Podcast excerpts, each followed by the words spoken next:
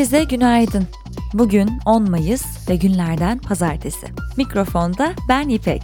Türkiye'nin dört bir tarafına dağılan Aposta ekibi olarak Camekan Sokak burnumuzda tutuyor. Galata'da bugün hava kapalı ama unutmamak gerekir, önümüz yaz. Sevgili dinleyenler, size nasılsınız diye sormak isterken benim nasıl olduğumdan biraz bahsetmek geliyor içimden. Doğruyu söylemek gerekirse bir iyiyim, bir kötüyüm. Her zaman duygularını yoğun yaşayan biriydim ama bu dönem işleri biraz karıştırdı. Hepimizin ayrı ayrı dertleri, hüzünleri, sevinçleri, kederleri var. Ve öyle bir dönemdeyiz ki beklemeyi, sabretmeyi, umutlu olmayı, değişmeyi, normal gibi bazı kavramları tekrardan sorgulamayı, elimizdekilerin kıymetini bilmeyi, sahip olduklarımıza sıkı sıkı tutunmayı, sahip olamadıklarımızı minimumda düşünmeyi, bazen yüzleşmeyi, bazen kaçmayı öğrendik, öğreniyoruz. Bu süreç tabii ki sancılı geçiyor, benim için de öyle. Ama tecrübeli kişilerin dediği gibi hepsi geçecek sevgili dinleyenler. Kendime hep hatırlattığım bir söz var ve bu hayatın başrolü benim. Ve yakın zamanda tanışıp zaman kavramını bana sorgulatan değerli birisinin bir sözü kulaklarımda. Sen ne istiyorsan doğrusu olur.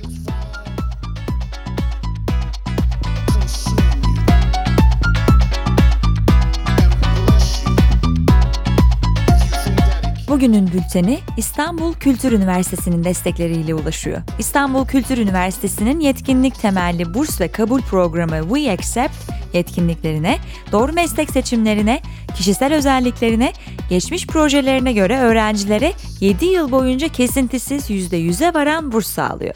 Ayrıntılar bültende. Güne başlarken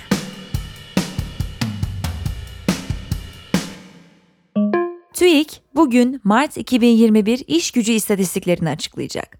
Rusya Dışişleri Bakanı Sergey Lavrov Azerbaycan'ı ziyaret edecek. AB Dışişleri Bakanları Rusya'nın Avrupa yetkililerine uyguladığı yaptırıma verilecek yanıtı görüşecek. Piyasalar ve ekonomi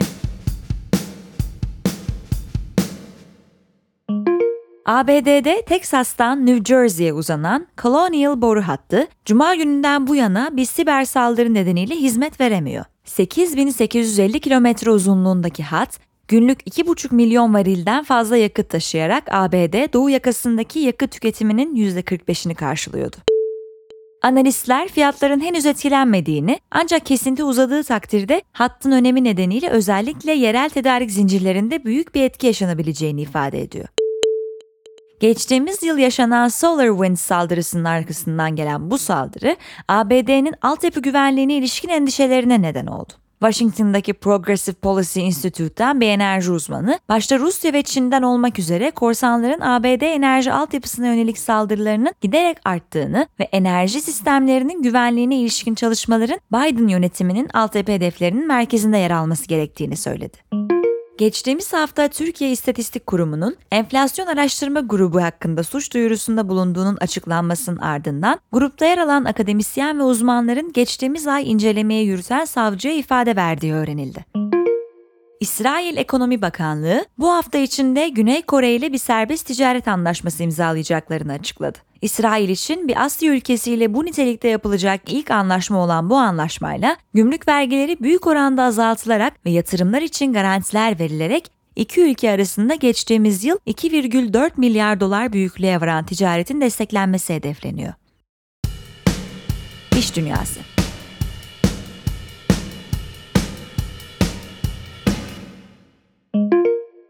Avrupa Birliği Pfizer ve BioNTech 2023 yılına kadar 900 milyonu opsiyonlu olmak üzere toplam 1,8 milyar doz alımı için sözleşme imzaladı. AstraZeneca ile yapılan sipariş sözleşmesinin ise tedarik sıkıntısı nedeniyle Haziran sonrası için yenilenmemesine karar verildi. AB'nin geçen ay taahhüt edilen aşı miktarının tedarik edilememesi nedeniyle AstraZeneca'ya açtığı davanın ilk duruşması 28 Nisan'da gerçekleşmiş, ikinci duruşmanın 26 Mayıs'ta yapılmasına karar verilmişti. Hafta sonu gerçekleştirilen AB zirvesinde liderler, ABD'nin aşı patentlerinin kaldırılmasına yönelik önerisine karşılık dozların paylaşımının artması ve aşı ithalatı üzerindeki sınırlamaların kalkmasının daha kalıcı bir çözüm olduğunu vurguladı. Aşıların fikri mülkiyet hakları konusunun bugünün meselesi olmadığını belirten Fransa Cumhurbaşkanı Macron, Birleşik Krallık ve ABD'yi aşıların ve bileşenlerinin daha geniş çapta ihracatını engellemekle suçladı. Dodex'te kripto para yatırımı yaptığı için mağdur olduğunu belirten bir kişinin açtığı alacak davası Anadolu Asliye Hukuk Mahkemesi tarafından kabul edildi. Davalı, Todex şirketinin dava dilekçesinin tebliğinden itibaren cevap dilekçesiyle ilk itirazlarını sunmak için iki hafta süresi olacak. Goldman Sachs, yatırımcılarına Bitcoin fiyatlarına bağlı türev enstrümanları sunmaya başladı. CME Group üzerinden gerçekleştirdiği toplu Bitcoin vadeli işlemlerinde kripto para birimlerinin oynaklığından korunmak isteyen banka, Cumberland DRW ile ortak çalışacak. Politika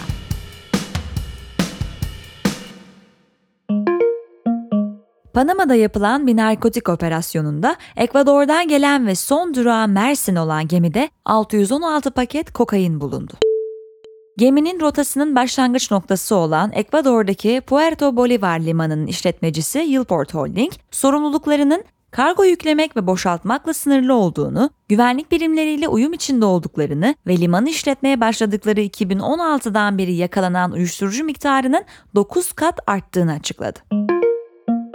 İçişleri Bakanlığı, organize suç örgütü lideri Sedat Peker'in organize suça yönelik faaliyetlerinin tespit edildiğini, Türkiye'ye getirilmesi için operasyon başlatıldığını duyurdu. Afganistan'ın başkenti Kabil'de bir lisenin girişinde cumartesi günü gerçekleştirilen terör saldırısında en az 68 kişi yaşamını yitirdi. Çoğu kız öğrenci, en az 165 kişi de yaralandı. Cumhurbaşkanı Eşref Gani, saldırının Taliban tarafından yapıldığını söyledi.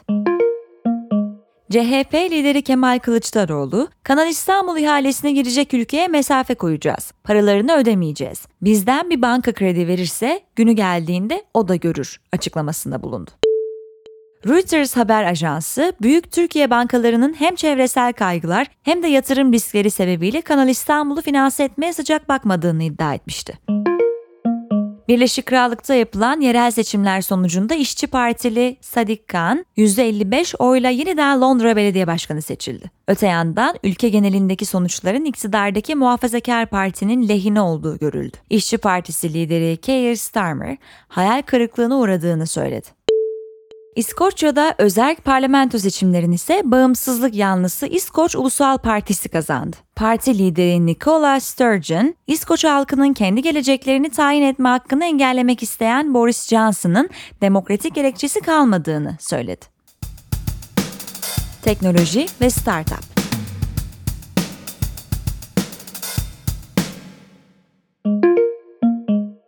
Çin'in 29 Nisan'da fırlatıldıktan sonra kontrolden çıkan Long March 5B roketi Hint Okyanusu'nda Maldivler yakınındaki bir noktaya düştü. Roketin yerleşim yerlerine düşebileceği ve tehlike oluşturabileceği düşünülüyordu ancak okyanusa düşen roketin büyük bir kısmının dünyaya dönmeden önce atmosferde yandığı bildirildi. NASA yöneticisi Bill Nelson, cumartesi günü bir bildiri yayımlayarak Çin'in uzay enkazları ile ilgili sorumluluğunu yerine getirmediğini ve uzay yolculuğu yapan tüm ulusların ve ticari kuruluşların sorumlu ve şeffaf bir şekilde hareket etmesinin kritik önem taşıdığını açıkladı. Petri.com'dan Brad Sams, Microsoft'un yeni işletim sistemi Windows 10X'i yayımlamayı ertelediğini, şirketin 10X için geliştirdikleri özellikleri Windows 10'a uygun bir şekilde entegre etmeyi planladığını açıkladı. Clubhouse, Android beta sürümünü ABD'deki kullanıcıları için kullanıma sundu. SpaceX, Starlink uydularını göndermek için kullandığı Falcon 9 roketini dün 10. kez fırlatarak yeniden kullanılabilirlik alanında bir rekor kırmış oldu. WhatsApp, internet sitesinde yayımladığı açıklamada 15 Mayıs'a kadar yeni gizlilik politikasını kabul etmeyen kullanıcıların hesaplarının silinmeyeceğini ancak uygulamanın bazı fonksiyonlarını kullanamayacaklarını duyurdu. Şirket, Ocak ayında yayımladığı yeni gizlilik sözleşmesini kabul etmeyen kullanıcıların hesaplarının 8 Şubat'ta silineceğini duyurmuş, daha sonra gelen tepkiler üzerine bu tarihi 15 Mayıs ertelemişti. spor.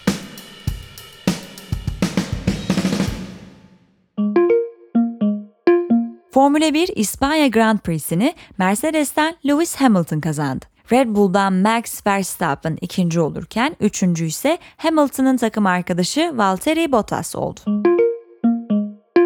Milli atlet Pınar Akyol, Hırvatistan'da düzenlenen Avrupa Atmalar Kupası'nda gülle atmada U23 kategorisinde Avrupa Kupası şampiyonluğunu elde etti. 23 yaş altı kadınlar disk atmada ise Özlem Becerek altın madalya kazandı. Eşref Apak da çekiç atmada şampiyonluğa ulaştı. Pınar Karşıyaka FIBA Şampiyonlar Ligi finalinde Hereda San Pablo Burgas'ta 64-59 mağlup olarak turnuvayı ikinci olarak tamamladı. Büyükşehir Belediye Erzurumspor Teknik Direktör Yılmaz Vural'la karşılıklı anlaşarak yollarını ayırdığını açıkladı. Erzurumspor'la 9 maça çıkan Vural, 3 galibiyet, 1 beraberlik ve 5 mağlubiyet yaşamıştı. Türkiye Futbol Federasyonu 18 Mayıs'ta Beşiktaş, Fraport Tav Antalya Spor arasında oynanacak Ziraat Türkiye Kupası finalinin stadyumun üçte biri oranında seyircili oynanabileceğini açıkladı. Günün hikayesi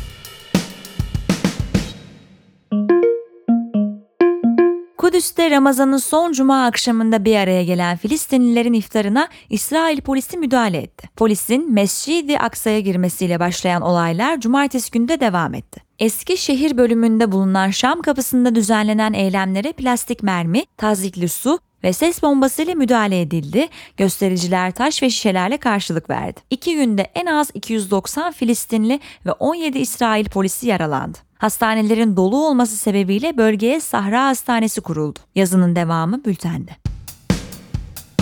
Alternatif gündem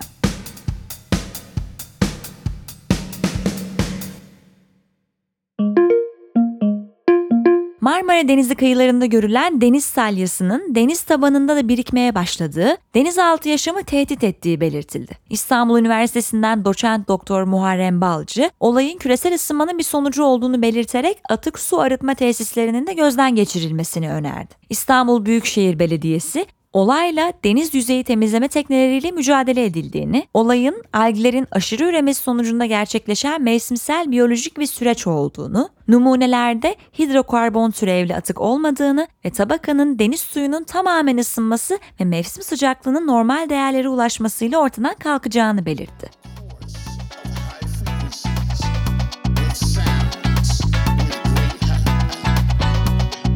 Evet sevgili dinleyenler, Sizlere harika bir hafta diliyorum.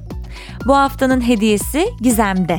Bu demek oluyor ki Gizem'in günlerinde yani çarşamba ve cuma günlerinde kulağınız kesinlikle bizde olsun. Düşüncelerimizde ve ruh halimizde daha stabil olabildiğimiz, mutlu, umutlu ve sakin kalabildiğimiz bir hafta olsun. Mikrofonda ben İpek Naz Çınar ve cumartesi günü tekrar görüşünceye dek hoşçakalın.